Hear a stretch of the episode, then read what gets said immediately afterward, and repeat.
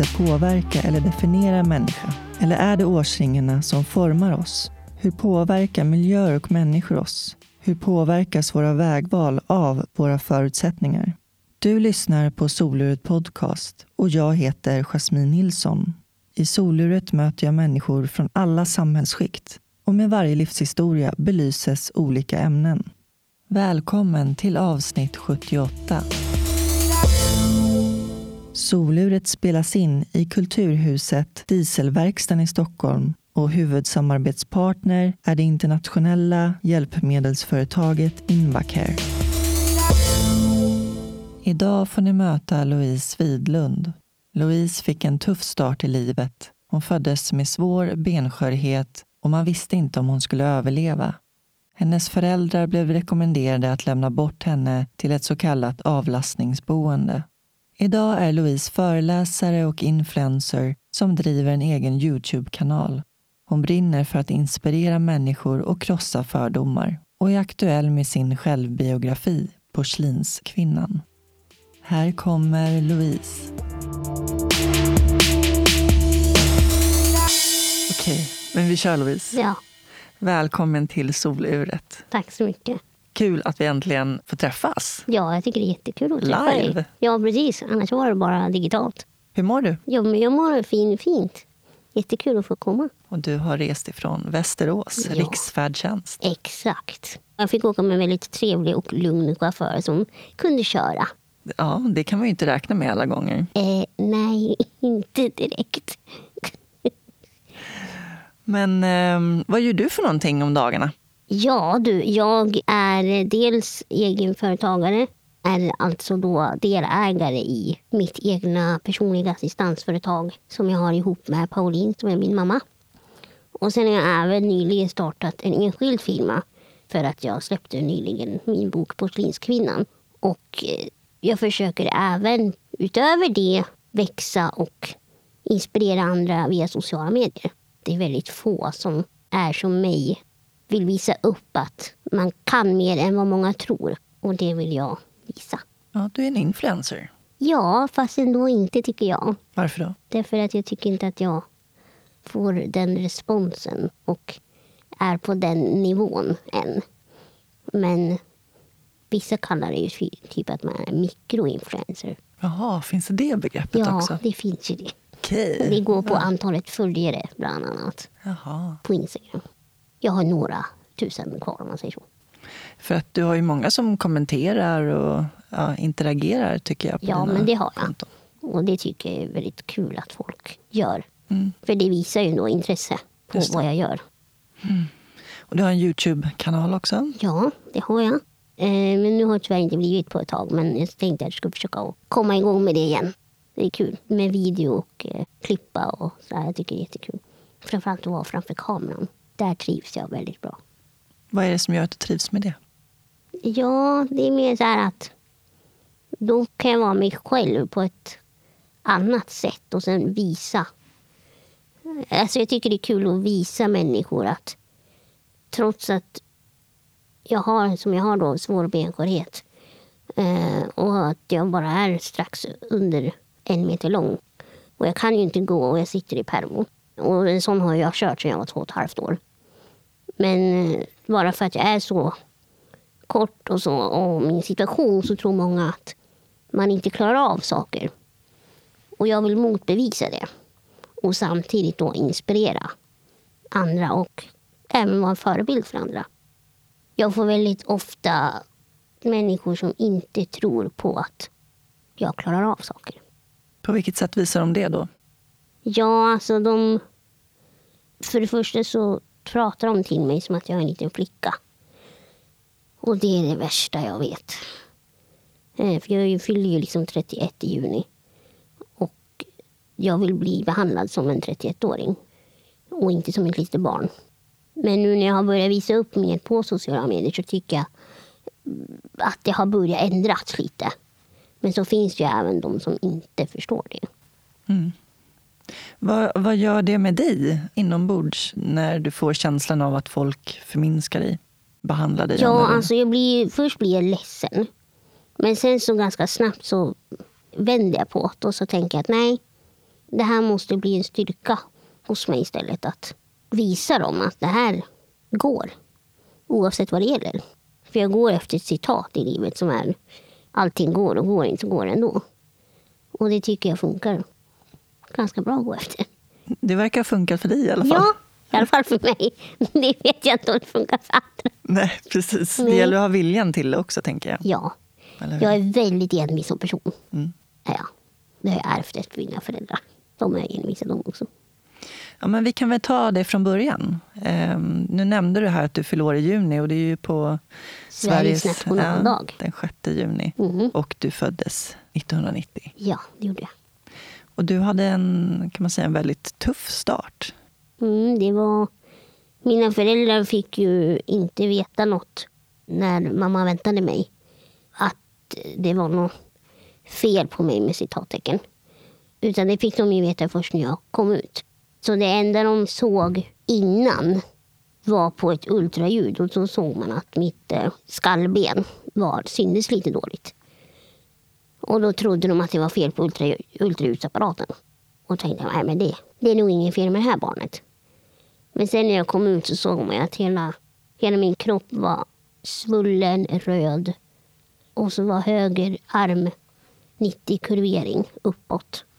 Och så mina ben var som krummade banan, bananer. Så när man la ner benen så var det som en rund ring. Så där började ju liksom livet. Du hade brutit flera ben i kroppen. Ja, man kan ju säga så här, att alla ben i kroppen var brutna förutom eh, nacken och ryggen. För att göra enkelt. Så vissa ben var ju helt av, men även det mesta var ju små sprickor.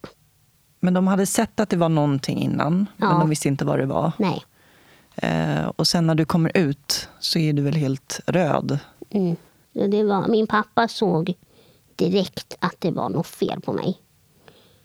Eh, med tanke på att jag hade ju en storebror, Andreas, som var två år äldre än mig. Så de visste ju liksom hur ett barn skulle se ut. Så. Men han såg ju som sagt direkt att det var något som inte stämde. Men mamma hon var ju jätteglad att det var en liten tjej. För hon förstod inte alls att det var något fel. För det var ingen som sa något i förlossningsrummet. För alla var helt tysta när jag kom ut. Ingen sa någonting. Och sen sprang de iväg med mig. Så mamma fick ju aldrig se mig. Då, då sprang de iväg med mig och sen sa de inget mer på flera timmar.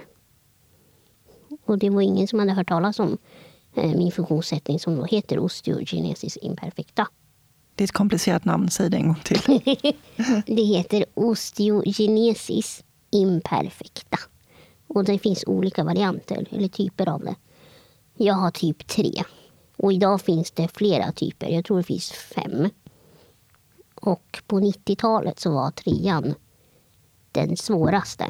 Och det sades ju också då på sjukhuset att jag inte skulle överleva. Med tanke på att, att jag var så pass illa däran. vad är det som gör att man inte överlever? Vad är, det som, är det andning eller vad är det som... Jag tror det, ja, du, det var en bra fråga, men jag tror det är för att eh, kroppen jobbar ju så mycket hela tiden för att läka allting.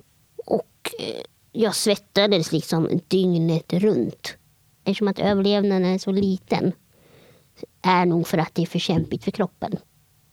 När fick dina föräldrar veta om din diagnos?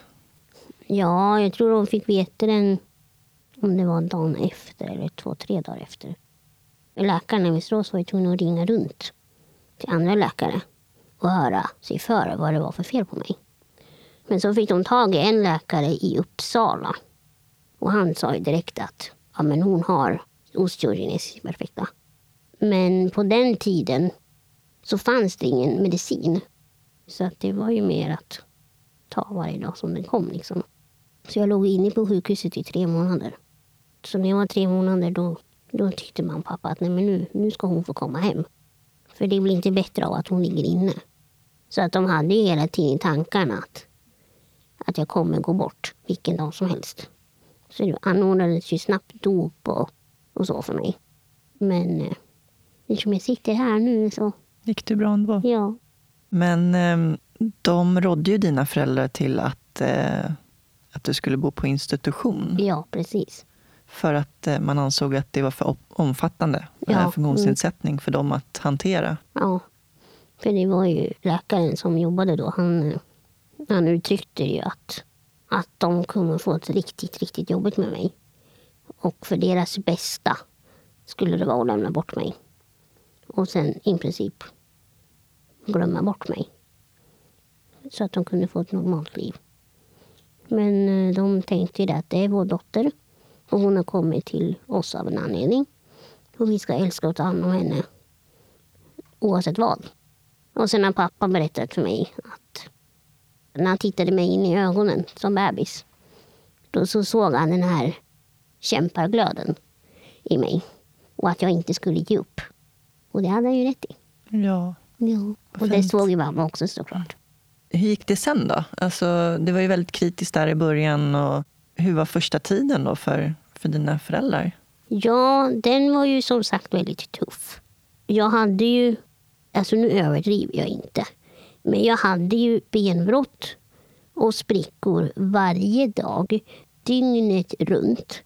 Och det enda som gick att liksom hantera det, det var att försöka binda och göra egna hemmabandage. Men när jag var spädbarn så gick ju inte det. Utan då fick man ju verkligen vara så försiktig och lyfta på ett speciellt sätt. Och man kunde inte lyfta mig som eh, vanliga bebisar och sådär. Men ju äldre jag blev så var det pappa som typ var min hemmadoktor. Så han bland annat gjorde ju bandage med hjälp av eh, sönderklippta små toalettrullar. För min arm passade perfekt i dem. Och sen med lite glasspinnar. För det var tvungen att vara så lätta grejer. Och sen lite bandage på det då. Och lite vadd och sånt. Så, så lätta saker som möjligt men ändå som stabiliserade. Så att dina föräldrar fick komma på egna lösningar Ja. eh, och vara kreativa och uppfinningsrika. Och så kan det vara än idag. Mm. Fram tills jag var sex år så hade jag ju som sagt benbrott dygnet runt. Och då kom det en ny medicin som hette Aredia. Och den sades det då skulle stoppa alla benbrott. Så att man diskuterade väldigt mycket med läkarna. Och då bestämde vi till slut att jag skulle prova den här medicinen. Och den fick man då intravenös vid en kanyl i handen. Och det skulle ta åtta timmar att få den. Så då låg jag kvar på sjukhuset med mamma. Och sen när vi åkte hem dagen efter och ja, vi skulle sova den natten. Det var första natten på sex år som jag sov en hel natt utan att vakna av att ha ont i kroppen. Mm. För att jag hade ju som sagt benbrott dygnet runt. Svettades dygnet runt. Och vaknade varje natt från tre till fyra gånger för att det gjorde så ont. Men efter den första dosen så upphörde svettningarna, ständiga benbrotten. Och alltså när jag menar benbrott, då kunde ett benbrott vara en liten spricka. Men på mig gjorde det ont som benet var av. Och då fick jag sen den där medicinen kontinuerligt en gång i månaden. Idag får jag en annan medicin och den får jag i en liten spruta i magen var fjärde månad. Så från var fjärde vecka till var fjärde månad. Vilket är väldigt skönt. Och den måste jag åka upp till Akademiska Uppsala och få. Det är de som har kommit fram till den. Och det är där specialisterna sitter. Så där har jag varit i över tio år nu. Så jag börjar ju känna av i kroppen nu att det är dags för, som jag säger, påfyllning av medicin. Okej. Jag får ju ont liksom i höfterna och framförallt i ryggen när det är dags att få mer. Berätta lite om dina föräldrar. Vad, vad gör de? Pappa jobbar som yrkesfiskare. Och sen driver de ett välbesökt eh, kafé och gårdsbutik där vi bor. Så där vi bor så har vi allting på tomten. Då. Gårdsbutiken och kaféet. Då. Så företaget de driver heter då Ängs Och kaféet heter då roligt nog Fiskarfruns kafé Som väldigt många har besökt genom åren. Och det som inte många vet är ju att i det huset kaféet är i, det är där jag och mina brorsor växte upp. Så det blir mycket folk på somrarna hos oss. Jag förstår. De är jätteduktiga och jättedrivna. Som inte låter någonting stoppa dem. Det går ju i familjen att ha eget företag om man säger så. Så min andra bror Alex som är ett år yngre än mig. Han har också ett eget företag. Och jobbar också som yrkesfiskare. Och sen har jag en annan lillebror, Viktor. Han är ju, fyllde ju 22 nu nyligen. Så att han håller på och pluggar och grejer. Du fick ju din första elrullstol Mm. slash permobil när du var två år. Två och ett halvt. Kommer du ihåg det? Eh, tyvärr inte. Nej. Men jag har ju sett på gamla såna videoband när jag kör den. Och man ser ju på mig hur det lyser i ögonen på mig. Och glädjen som att kunna förflytta sig själv ute. Det var så kul att se liksom vilken stor förändring den gjorde på mig. Och den fick jag ju tack och lov för, inte tack och lov, men tack vare min dåvarande arbetsterapeut och sjukgymnast Anna och Mia. Så de åkte separat och hämtade den här utanför arbetstid till mig. Och det tycker jag var otroligt snällt av dem. Ja, ibland behöver man såna änglar. Ja, sådana änglar växer inte på träd tyvärr. Nej. Men jag har kontakt med dem än idag. Ja, häftigt. Mm. Hur funkade det med tillgängligheten där ute på landet? Det är inte så bra. Nej, förstår det. Så det har jag också skrivit lite om i boken. Och den historien är ganska lång så att eh, den blir nog lite lång att ta här. Men de som bestämmer på Ängsödra naturreservatet de tyckte att eh, sådana som mig inte skulle bo där ute. Men sen så var det lite andra diskussioner. Sådär. Och så till slut fick mina föräldrar bygga ett anpassat hus till mig. Eller till oss. Men det var ju för att jag skulle kunna köra in och ut med permobilen. Så Ja, nu det är en förutsättning, tänker jag, att kunna ta sig in och ut Ja, sitt hem. det. Ja, så nu är det ett avlångt hus med ramper vid två dörrar. Mm. Så jag kommer in och ut hur jag vill. Utan trappor. Härligt. Ja, väldigt bra. Så borde det alltid vara, eller hur? Jag tycker det. Vad ska trappor vara bra för? Jag förstår inte varför. Vad ska man ha det för? Väldigt onödigt. Fruktansvärt onödigt. Du förstår. Men du, ehm, din uppväxt. Ja, Det var ju många besök på sjukhuset Ja, fram och tillbaka. Med benbrott och allt möjligt. ja, det har varit x antal benbrott. Hur var uppväxten? Alltså jag ju, hade ju en väldigt bra uppväxt trots alla möjliga sjukvårdsupplevelser. Så att mina föräldrar har ju alltid behandlat mig som andra barn. Brorsorna, Andreas och Alex, de såg ju mig som vilken syster som helst. Och de förstod ju också att jag var lite annorlunda. Så de förstod att med henne måste vi vara försiktig.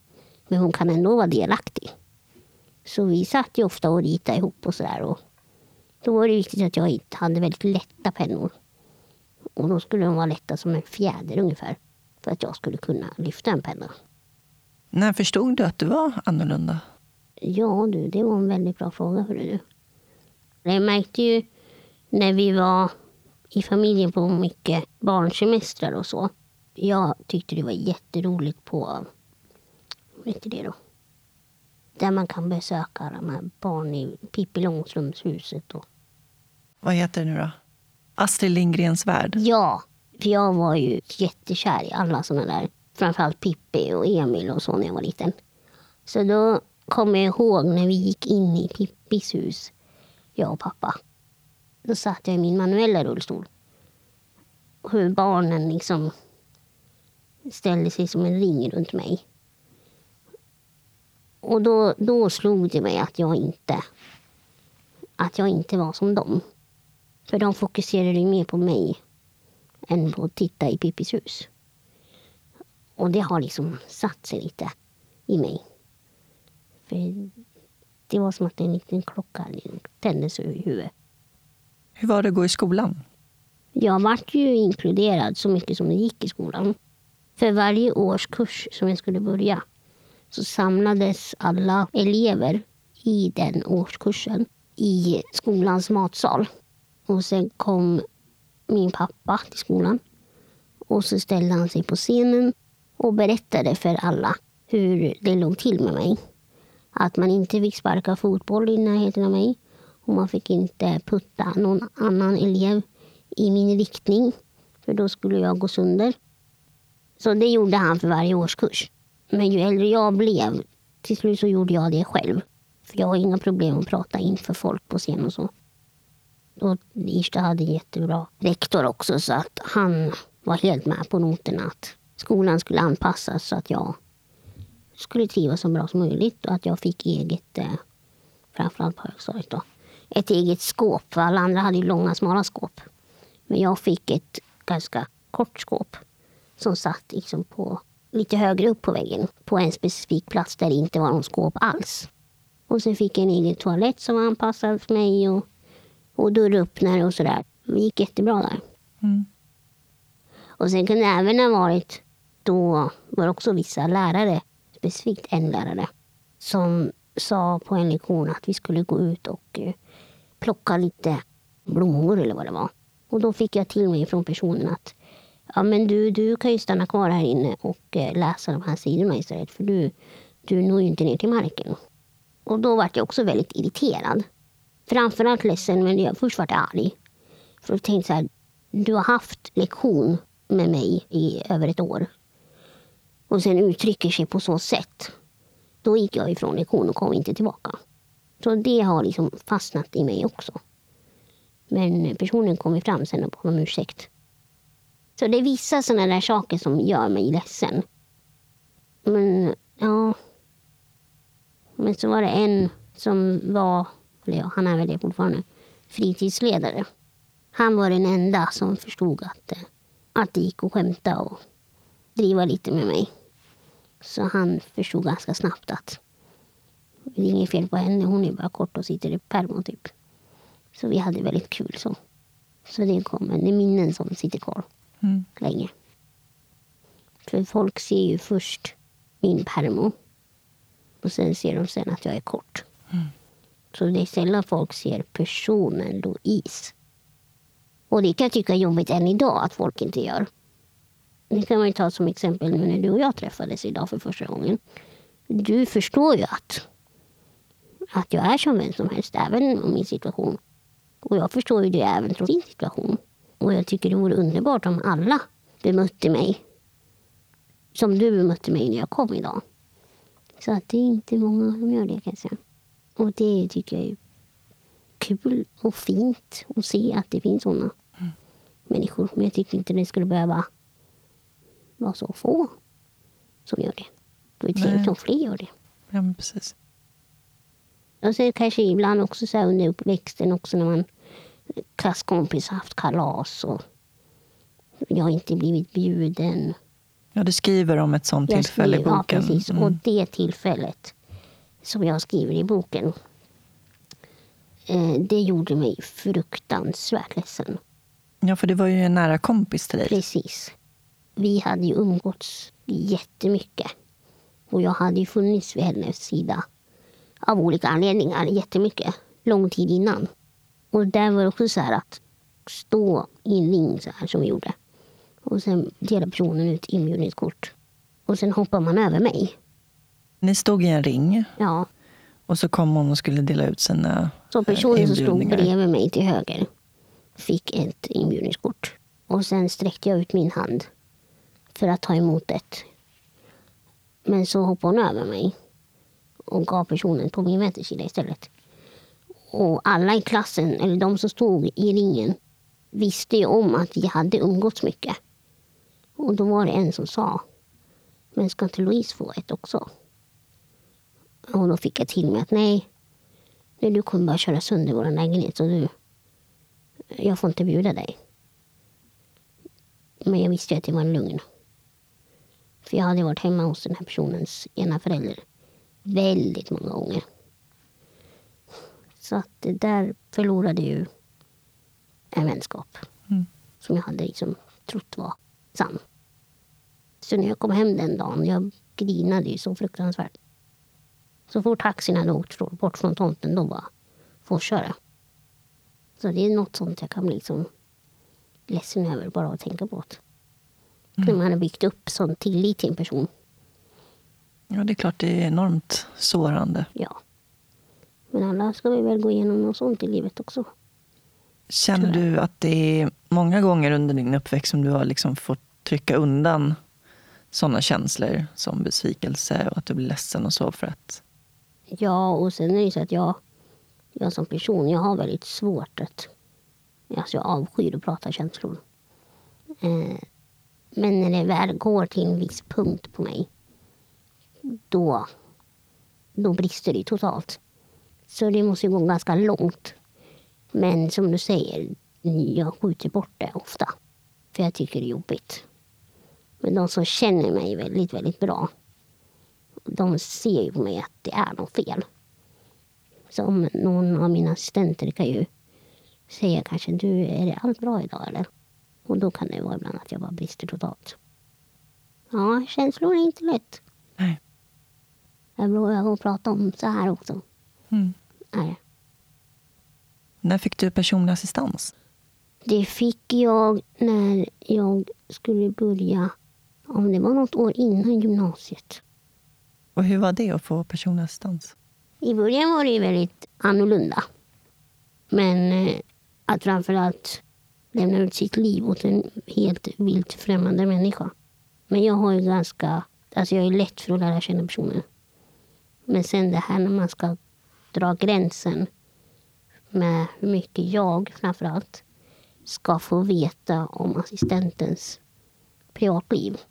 För i början hade jag väldigt svårt med det, för jag ville lära känna personen som en kompis.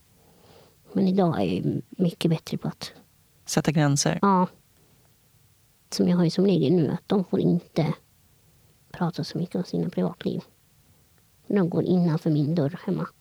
Och sen, mitt liv stannar innanför dörren. Men det har ju också med tystnadsplikt att göra. Ja, såklart. Men ibland måste man säga så till vissa för att förstå. Nej, men det är ju svårt. Alltså, jag fick ju också personlig assistans när jag var tonåring. Och ska man helt plötsligt bli chef för vuxna människor, Ja. det blir jättekonstigt. Ja. Ehm, så. Och jag hade också svårt att dra de där gränserna. Att, eh, I början där så ville man mer liksom ha den här kompisrelationen och man ville att alla skulle vara glada. Och att, Mm. ja, sådär. Tills man blev äldre och insåg att det inte var det är inte hållbart. Det tar för mycket på en. Det gör det. Jag vet inte hur du upplever det, men jag kan tycka att när jag var nyskadad, jag fick ju ganska dåligt självförtroende och dålig självkänsla. Jag upplevde det som att alla tittade på mig och Mm. det kändes som att många tyckte synd om mig. Liksom, stackars flicka som sitter i rullstol Ja, ungefär. det kände jag igen också. Ja. Mm. Men det tog ju många år så innan man fick, när jag, jag fick bra självförtroende och självkänsla igen. Mm. Och jag upplever det som att när jag fick det och började ta mer plats och bli mer tydlig med att det är mig man ska prata med och inte mina assistenter och så vidare så känns det som att omvärlden förstår mig bättre då. Och att eh, då förstår de hur man... Då blir det lättare att bemöta mig när de ser liksom, när jag har det här självförtroendet. Mm. Ehm, har du gjort någon sån resa, tänker jag, att du kanske har blivit mer självsäker eller tagit mer Ja, plats? alltså och jag har ju fått bättre självförtroende nu på senaste åren. Eh, Men framförallt så ser jag väldigt stor förändring sen jag släppte boken. För nu när jag är ute på promenader, för jag går ut väldigt ofta, då märker jag att framförallt att folk har sett mig på tv när jag medverkade igår kväll. Innan jag medverkade igår kväll så är det många, tyvärr många äldre som jämt tittar ner på mig som en liten flicka. Precis som du sa nyss. Och har alltid tyckt så synd om mig. Eh, och ska alltid så här dalta. Typ som att åh stackars dig att du sitter där och hur gammal är du och sådär. Men efter medverkan på tv då är det en helt annan reaktion. Positivt. Så nu hejar ju folk som jag aldrig har sett förr på mig. Så många som är med mig, oftast assistenten, bara, vem var det där? Ja, jag har ingen aning. Men jag hejar ju och ser glad ut ändå. Så där ser jag en stor förändring. Vilket jag tycker är jätteroligt. Ja, men det visar på hur viktigt det är att personer med funktionsnedsättningar eh, Visas mer i ja, media. får ta mer plats i media Ja. och reklam och i de offentliga rummen. Vilken effekt det har. Ja, och det är därför jag försöker växa där också. För att visa att vi kan faktiskt vi med. Även om vi ser lite annorlunda ut. Så är vi funtade som vem som helst. Precis. Fel ordval kanske. Vi får klippa bort. Funtade alltså. Hur fan är du funtad egentligen? Vi får klippa bort. Det är roligt. Kom från hjärtat. Sorry. Ja, men det är härligt. När jag gick i femman så började eh, Irsta skolan då fundera på att, eh, att de trodde att högstadiet skulle bli för kämpigt för mig. Och det skulle bli för, för mycket elever under samma byggnad.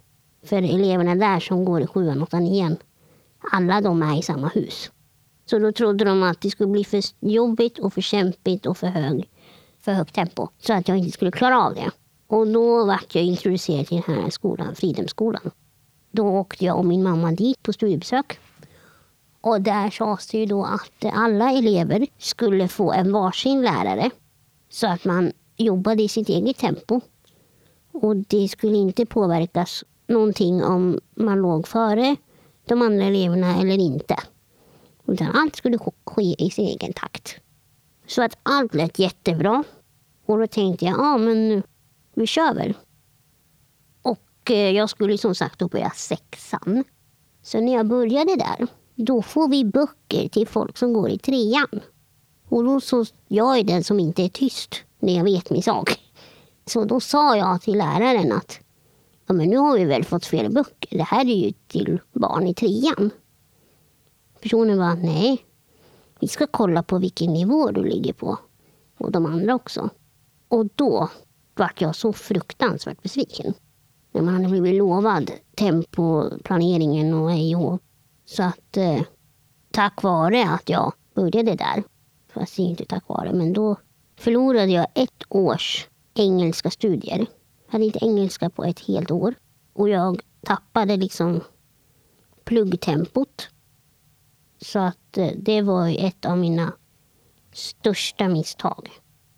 Så att efter det året på Fridhem så valde jag att byta tillbaka till Isjöskolan. Men vad tänker du om det idag som vuxen? Att det finns den typen av skolor? Ja, det är väl bra att den finns för sådana elever som verkligen behöver det. För jag vet att det finns det. Barn och ungdomar som behöver den hjälpen. Men samtidigt så tycker inte jag att när man lovar en elev saker och sen inte håller det. Det gör ju inte att man i vuxen ålder, eller ja, när man växer upp, att man lär sig lita på folk. För att man tappar ju lite tilliten till människor där. Jag eh, bestämde mig för att jag ville börja på mediegymnasium, precis som du gick. Ja. Och eh, då föreslog de att jag skulle börja på ett riksgymnasium som är för personer med olika funktionsnedsättningar. Mm. Bland annat. Och det tyckte jag var jättekonstigt. För att, varför ska jag göra det? Jag vill ju gå på samma skola som mina polare från högstadiet. Ja, och det tyckte du för att du satt i rullstol då? Eller? Ja, men lite så. Mm. Eh, jag vet inte, man tänkte väl på tillgänglighet. Och jag vet inte vad man hade för andra uppfattningar eh, kring det. Men eh, jag tyckte att det var ganska kränkande faktiskt. Att, det är ju det. Ja, men dels är det där också att man vill ju vara inkluderad mm. så, i samhället som alla andra. Och här kändes det som att man skulle bli exkluderad och man skulle liksom sätta sig i en grupp av människor på något vis. Lite mm. så här institutionstänk, att nu stoppar vi alla personer med funktionsnedsättningar i samma skola ungefär. Um, men så var det inte, utan fick jättebra stöd och hjälp från mina lärare som såg till att jag fick de hjälpmedel jag behövde. och så där. Ja, jag gick ju också som du sa. Ja. Nu hoppar vi till gymnasiet. Mm.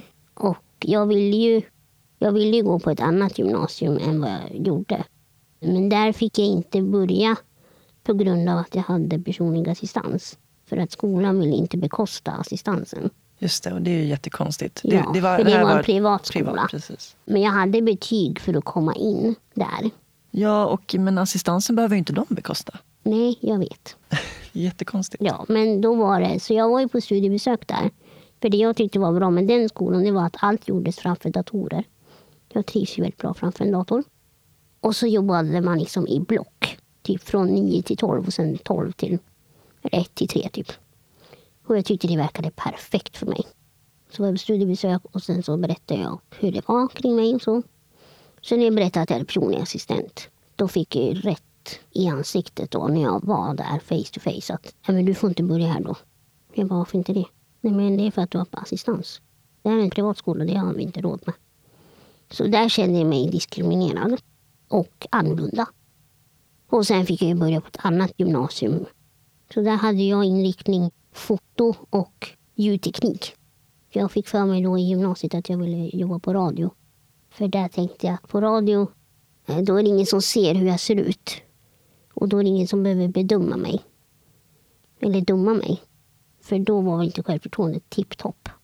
Så det, den tiden tyckte jag var kul ljudteknik passade mig bra för då klippte man ju videos eh, på datorn och det tyckte jag var jätteroligt. Så jag praktiserade faktiskt en vecka på Sveriges Radio Västmanland. Det var ju riktigt kul. Då fick jag höra att jag hade en bra radioröst av dem. Vad hade du för drömmar om framtiden? Ja, jag hade en drömmar om att eh, skaffa mig något bra jobb. Och sen det största och mest, som är lite största, men det jag har funderat på mycket sen skolan och framtiden, det är ju det här.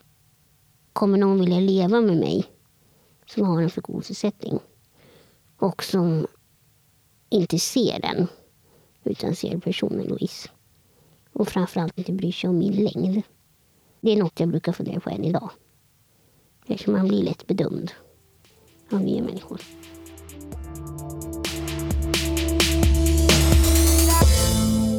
Nu tar vi en kort paus och ringer upp min samarbetspartner Invacare. Invacare Kristina. Tjenare Kristina, Jasmin här. Hej Jasmin. Hej! Hur är läget med dig? Det är bara bra. Jag sitter på mitt kontor här och arbetar mestadels nu digitalt då. Precis. Berätta vad du gör för någonting på Invacare. Mina produkter är eh, gång och hygien samt oxygen. Ja, precis. Och ni har ju nyligen haft en utbildning när det gäller oxygen. Vad får man lära sig då? Ja, eh, där går man ju in på sammanhanget, alltså hur koncentratorerna är eh, uppbyggda. Man, man får följa hela tråden hur oxygenet bildas i produkten. Och eh, en koncentrator tillför då syre i olika flöden som är bestämt av läkare. Så man får det, tillgång till syre via en slang till näsan eller via en mask över näsa och mun. Och slutligen, vad är det bästa med ditt jobb, Kristina? Ja, det är ju mötet med människorna. Alltså, det är ju en fantastiskt rolig bransch att jobba i också. Man känner ju att man gör nytta. Man är ingen säljare på det viset, utan det viktiga är ju faktiskt att resultatet blir bra. Det är det som är så häftigt. Jag har jobbat och sålt kontorsmaskiner tidigare. Jag kan säga det, det var ju inte alls på samma sätt. Nej, det kan jag verkligen tänka mig. så kommer man in i denna fina, mjuka, alltså det blir en helt annan, ett helt annat tänk då. Det liksom, passar inte mina produkter så, så kan man vägleda, men prova den här leverantörens produkter, det, det, det tror jag skulle passa bättre. Alltså man lyfter allting ifrån sitt egna och är bara ute efter att det ska bli ett bra resultat. Det tycker jag är häftigt. Jag är väldigt glad att jag har detta arbete. Jag förstår det. Tack så jättemycket Kristina. Det var härligt att få prata med dig igen. Det är alltid lika roligt att prata med dig, Jasmin. Ha det bra så länge. Ha det gott själv. Hej då. Hej då. Studenten Ja, var ju en viktig milstolpe det för dig. var. Det har du rätt i. Och det var ju också en historia för sig. Ja, På det här gymnasiet jag gick på då, då också det här med tillgänglighet. Då hade ju den skolan så då att så skulle alla elever för respektive klass springa upp på ett litet flak som det var fäst en eh, rutschkana på. Och sen skulle man åka ner för den. Så då frågade jag några dagar innan.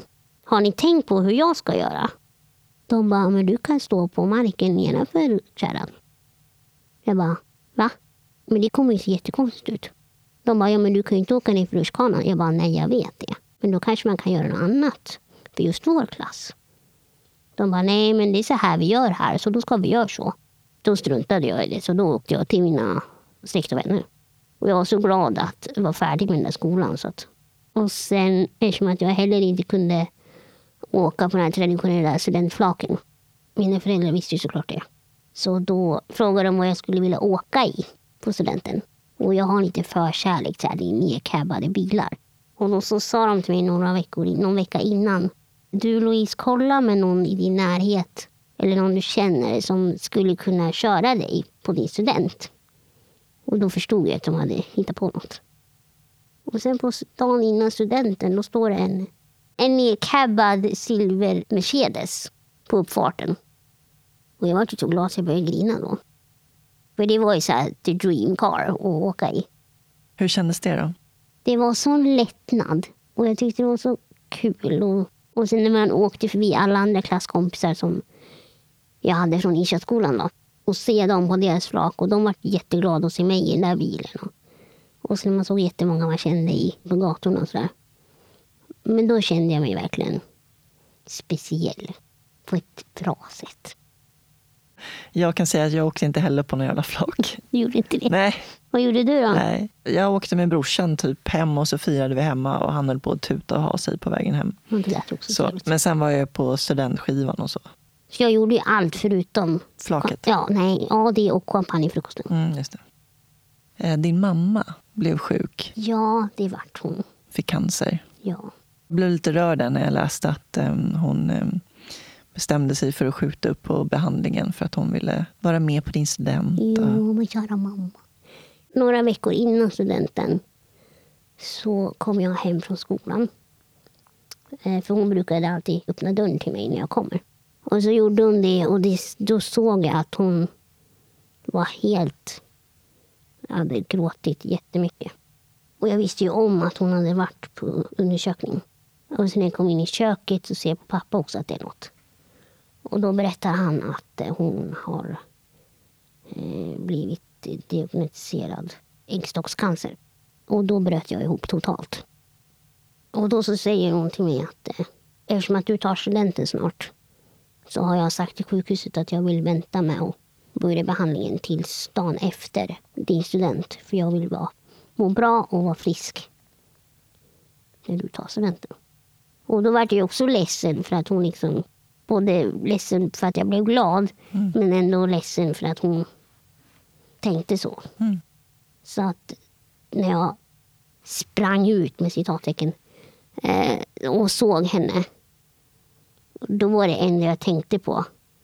Det står kära mamma och har fått veta att hon har äggstockscancer och ska börja med cellgifter imorgon eller om några dagar.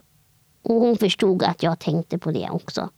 Så hon gav mig en blick som att ja, stod och nickade med huvudet och blundade långsamt att jag vet. Tänk inte på det nu utan njut av din dag. Så det gjorde jag, men det var en väldigt, väldigt, väldigt tuff tid. Men jag är ju fruktansvärt glad att hon eh, klarade det. Mm. Annars vet jag inte vad jag hade gjort. Så jag och min lillebror Viktor, vi fick raka av henne håret. Så det var tufft, men vi klarade oss igenom det med. Och idag är hon frisk. Hon Idag är hon frisk. Mm, skönt att höra. Men så efter gymnasiet, du tog studenten. Och, Ja. Och sen startade jag personliga assistansföretaget för att ha mer ansvar och mer koll på ekonomin och så. Så att pengarna användes till rätt saker. Och sen bestämde jag mig för att ta körkort. Och det kära körkortet fick jag av min kära morfar i present. För han var ute en dag till oss och så sa han att, att han ville ge mig en viss summa pengar. Och jag visste ju om att han inte hade världens bästa ekonomi. Så han sa att jag tänker ge dig 50 000 kronor så att du kan ta ditt efterlängtade körkort. Först var jag helt i chock. Så jag sa till honom, jag bara, nej men det kan jag inte ta emot. Så jag. Han bara, jo det kan du visst göra. Så då tog jag emot det där med stor glädje. Och så tog jag kontakt med körskolan i Hedemora. Så efter några veckor så åkte jag upp dit till körskolan på ett studiebesök. För att man då skulle kunna anpassa bilen som jag skulle vilja köra med. Så då började jag till slut där. Bodde där en vecka i taget, varannan vecka. Eftersom man också var tvungen att tänka på hur assistenten jobbade. Så efter totalt fem veckor sammanlagt så fick jag det här körkortet. Och jag kommer aldrig glömma den dagen morfar var hemma och jag hade fått hem liksom pappret att jag var godkänd. Och så visade han det, för jag sa det att jag har en sak att visa dig. Så då när han fick se det då kom det en liten tår i ena ögat på honom. Tyckte Såklart. Ja. Och sen den dagen han fick se min bil också. Han satte sig i den men han tordes inte åka med mig. men då vart han också lite rörd. Så då sa jag att han, det är tack vare dig som, som jag har det här körkortet. Mm, så. så det var en väldigt fin gåva av honom. kan tänka mig att det är många där ute nu som undrar hur du kör bil. Ja, jag anar det också. Ja, Eh, och nu ska jag försöka förklara det så man kanske ser det framför sig. Eh, jag kör ju då inte med en vanlig ratt. Utan eh, jag hade som en... Hur ska man förklara det här då? Det är miniratt. En miniratt ja, på min vänster hand. Och sen på min högerhand hade jag, observera hade, hade jag då en eh, liten kan man säga, spak typ. Som en liten joystick som såg ut som en pinne. Och uppe på den pinnen fanns det en liten knapp. Och där kunde man då reglera den, inte reglera men så man kunde dra den höger, vänster för blickers. Och sen om man drog den lilla spaken bakåt snabbt, då satte man på och stängde av hel och halvlyse. Och sen var det något annat håll man kunde sätta i fart. Man kör samma fart hela tiden. Och sen var det en annan, annat håll som man kunde liksom sätta på vindrutetorkarna och tvätta fönstren. Det var så mycket grejer i den lilla knappen. Ja. Och sen framför den joystickspinnen då så var det en touchskärm. Och där startade jag bilen, bytte växel, reglerade värmen, kunde dra ner rutorna på bilen, öppna och stänga sidodörren där rampen var så jag kom in och ut. Och sen även öppna bakluckan. Jag tror inte jag har glömt något. Hur var känslan första gången som du kunde köra bilen själv? Det var så en fruktansvärt overklig känsla. Som att här kör jag den här stora bilen. Jag hade ju en Chevrolet Uplander och de är ju så jättesmå. Och du satt kvar i rullstolen när du körde? Ja, precis. Jag satt i permon. Eh, och sen så körde jag upp på ett permolås. Och som jag åkte upp på det där låset i bilen, då fastnade permon där. Men första gången i alla fall när jag körde, det var en sån mäktig känsla. Men ändå så overkligt. Som att här sitter lilla jag. Jag brukar säga så om mig själv ibland, lilla jag. För det är så obeskrivligt att ens kunna förklara det själv. Att man klarar av det fast många inte trott att det skulle gå. Men envis som jag är så, peppar peppar ta i trä så gick det ju. Jag brukar säga att bilen det är det viktigaste hjälpmedlet jag har efter rullstolen. Det förstår jag. Det blir nästan extra viktigt tror jag när man har någon slags funktionsnedsättning att kunna känna den friheten att man kan ta sig vart man vill, Mm. när man vill. Och det är en obeskrivlig känsla. Mm. Men du råkade ut för en olycka Ja, jag gjorde ju det. med bilen. Ganska duktig igen också. Ja. Och det, styrningen la av helt enkelt när du var ute och körde. Ja, jag hade ju mycket problem med bilen innan det här hände. Och det var mekaniska... Mekaniska problem. Men sen var det en dag, det här var då 2017. Så jag skulle då ut till mina föräldrar och lämna av min ena hund jag hade då. För att dagen efter skulle jag till Stockholm och träffa två vänner. Och så var det ett skogsparti där som i bilen hade jag en liten monitor som visar om det är något fel och då kommer det upp errorkoder. Och då, när jag kör på den här skogsvägen då, då kommer det upp en kod. Och bilen börjar skjuta, alltså det börjar skjuta, för det gör det varje gång det kommer upp en sån där. Och så bad jag min assistent att läsa vad det står. Och då stod det numret på errorkoden. Och så stod det stop immediately. Stod det. Och jag ser till höger en ficka jag kan stanna på. Men grejen är att jag hinner inte dit. Utan eh, jag lättar lite på gasen och ska börja blinka höger. Men då tvärnitar bilen av sig själv. Mitt på vägen. Och en man kör in i mig bakifrån. Och det går så himla fort. Så att det första jag tänker, jag tänkte på min assistent först. Så jag tänkte, sa till henne, jag bara, är du okej? Mår du bra? Var det ont? Nej men hon, hon tänkte inte heller på det. Och sen tänkte jag på min hund stackaren i buren där bak. Som satt och skakade. Så bakrutan exploderade. Och hela chassit, säger man kanske, hade flyttats framåt. Så rampen var helt intakt. Och sen känner jag som en blixt i båda smalbenen hur fruktansvärt ont det gjorde. Och då har ju då smalbena slagit i en metallstång kan man säga, som är under min sits. Och då känner jag att nu är båda benen av. Plus att jag hade fruktansvärt ont i vänster skulderblad. Men det var ingenting mot benen. Och sen kommer ju då han som körde på mig fram. Och när han ser att det är jag som kör, han blir så chockad.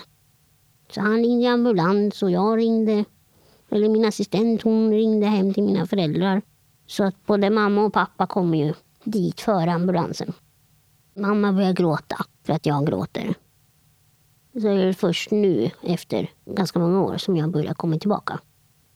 När ambulansen kom, karln som satte sig bredvid mig ville först och främst sätta på mig en nackkrage. Och jag vet inte riktigt hur många centimeter det är mellan min haka och bröstkorg, men det är inte så många. Och då sa jag till honom, glöm det där, så det går inte. Han bara, vi måste stabilisera din nacke. Jag bara, du. Och det är så här, när jag har ont då blir jag ganska rak på sak och ibland ganska otrevlig. Om man inte lyssnar på mig. Så då sa jag till honom, jag bara, du det är benen det är problem i, inte nacken. Så det är benen vi fokuserar på. Jag behöver smärtstillande, jag vill ha morfin nu. Han bara, ah, är du säker på att det är där du har ont? Jag bara, ja. Jag har haft benskörhet, jag har det här och det här. Och förklara vad det heter. Han förstod ingenting, för han hade aldrig hört talas om det förut. Och det har sällan människor inom vården idag. Men de ville ju så här styra upp situationen, att de visste bäst. och Så här. Så de sa, ja vi måste lyfta ut henne ur bilen. Och, och mamma och pappa sa, nej men hon måste ha smärtstillande innan hon kan lyftas. Det går inte annars. Så jag fick ju något smärtstillande upptryckt i näsan. Men det var ju mamma och pappa som fick lyfta ut mig. Och den smärtan. Och jag har varit med om mycket smärtor men jag har aldrig brutit båda benen samtidigt. Och sen åkte vi in med blåljus. Men under hela den här processen innan, innan jag lyftes ut.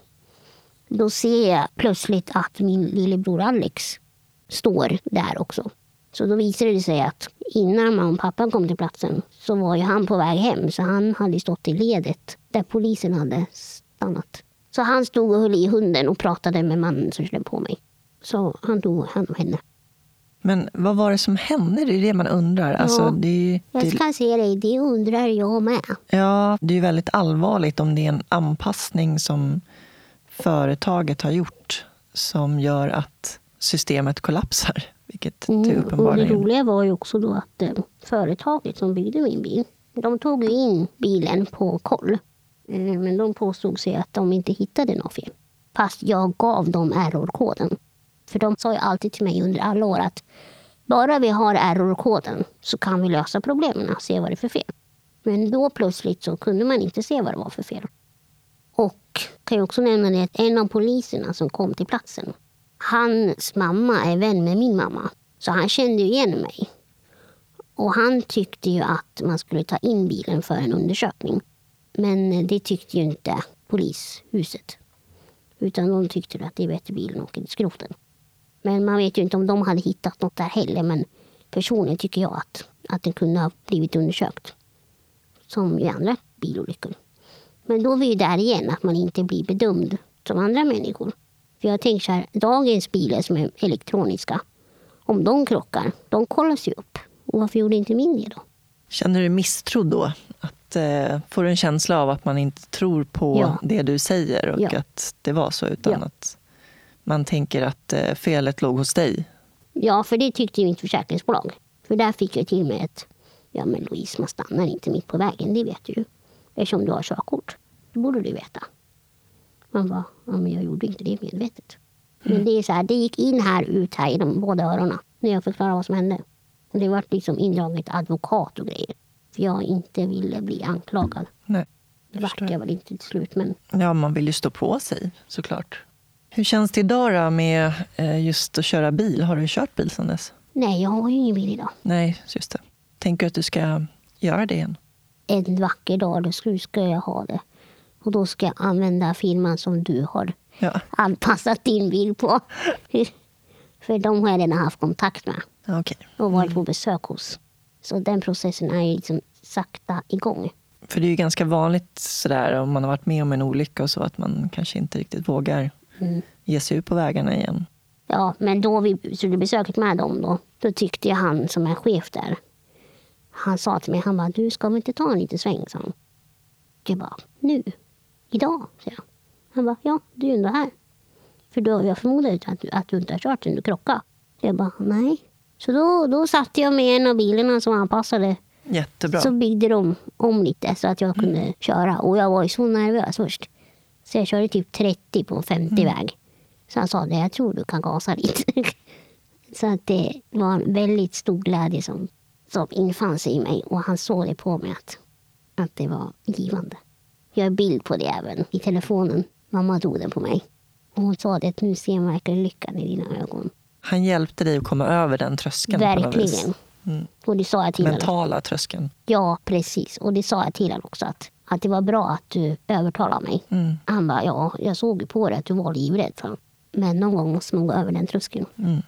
Men det är där jag hade ju känslan av att om jag släpper på gasen kommer bilen stanna. För det var ju då min förra bil stannade. Så det var ju ett tillfälle och sa han, släpp gasen. Så. Jag bara, nej det kan jag inte göra. Han bara, jo släpp gasen. Och så gjorde jag det. Och då var det som att allting bara försvann. Jag blir glad bara av att prata om hur kul det var. Ja, härligt. Så jag saknar ju verkligen Jag ser det på dig. Du ser det på mig. Bra. Strålar. Ja, jag brukar försöka göra det. Du är bra på det också. Ja, men tack Ja. så mycket du också. Tack. Jag tänkte komma in på mina standardfrågor. Så stora frågor. Vad innebär det för dig att vara människa? För mig innebär det att eh, kunna inspirera andra människor och sen att vara en förebild för andra. För att under min uppväxt så hade inte jag många som jag inspirerades av. Förutom mina föräldrar såklart, men som hade funktionsnedsättning. För att jag tror att det är bra för dagens unga och äldre, oavsett ålder, att, vi, att, man kan, att jag kan visa att trots min situation så klarar jag av mycket. Tror du på ett liv efter detta? Både ja och nej. Jag är inte direkt religiös, så. Men samtidigt så har jag liksom upplevt lite udda saker som jag tror har koppling till mina hundar som inte finns längre. Så att kanske lite grann, men jag tror inte som vissa tror att då är allt frid och fröjd. När man inte finns här längre. Så jag tror på ett sätt kanske 5 procent att det är någonting, men inte fullt ut. När känner du dig fri? När jag är ute på landet vid vattnet helt själv. Då känner jag mig fri. Och sen när jag hade bil känner jag mig extremt fri. Att kunna ta sig vart som helst, hur som helst, när som helst. Det var en riktigt skön frikänsla. Men även att kunna liksom gå ut helt obehindrat. När det inte är några trappor eller stockar och st- stora stenar. Och då känner jag mig fri som en fågel. När känner du dig sårbar? Åh herregud. När man inte blir behandlad som samhället säger att man ska bli behandlad av människor. Och sen när man blir lovad saker. Men samtidigt om det händer något med ens nära och kära så blir jag väldigt ledsen. Mest när jag blir besviken på folk. Då blir jag väldigt sårbar. Eller på myndigheter som lovar saker. Eller...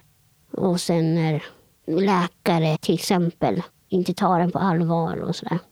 Så det är många sådana saker som gör mig ledsen och sårbar. Vad drömmer du om? Någon gång i framtiden skulle det vara kul att ha något litet hus på landet kanske. Som är uppväxt på landet så trivs jag väldigt bra där. Och så skulle jag vilja ha en bil igen. Och det är sådana här små saker som jag drömmer om. Men samtidigt är jag livrädd för framtiden, vad den kommer och hur den kommer se ut. På vilket sätt? Alltså jag är ju livrädd för den dagen mina kära föräldrar inte finns kvar längre. För de gör ju så otroligt mycket för mig. Så att när mina assistenter kanske inte kan jobba, då brukar jag åka ut till dem. Men jag har ju såklart tre bröder. Men det är ju något visst med ens föräldrar. Är det ju. De är en trygghet för dig. Ja, de är ju det. Och det kommer de alltid vara, såklart. Och sen bara ha ett bra liv utan kanske inte så mycket benbrott. Eh, det är väldigt kämpigt. Jag brukar bli väldigt nedgången då. Nej, men det är väl det jag drömmer om. Framgångsrikt liv, försöka få någon form av bra karriär. Men framförallt att bli trodd bättre. Då tänkte jag att vi skulle komma till de lite lättsammare frågorna. Antingen eller-frågorna. Okej. Kaffe eller te? Vi säger så här, jag har inte lärt mig dricka något av det. Men om jag var tvungen att lära mig skulle jag väl försöka lära mig att dricka kaffe. Men jag kan faktiskt dricka mocca latte. Det är Så det är typ av kaffe. Jaha. Stad eller landsbygd? Ja, landsbygd helt klart. Med bil. Bok eller film? Film. Kött eller grönsaker? Kött. Planering eller spontanitet? Spontanitet. Se eller höra? Se. Lyssna eller prata? Prata. Tack så jättemycket Louise för att du delade med dig av ditt liv. Tack själv för att jag fick komma och för att vi kunde träffas. Äntligen! Äntligen! Ni hittar mer information om Louise föreläsningar och hennes bok Porslinskvinnan på hemsidan louisevidlund.com och ni kan följa henne på Youtube och sociala medier. Tack till min huvudsamarbetspartner Invacare. För mer information om Invacare och deras hjälpmedelsprodukter hittar ni på invacare.se.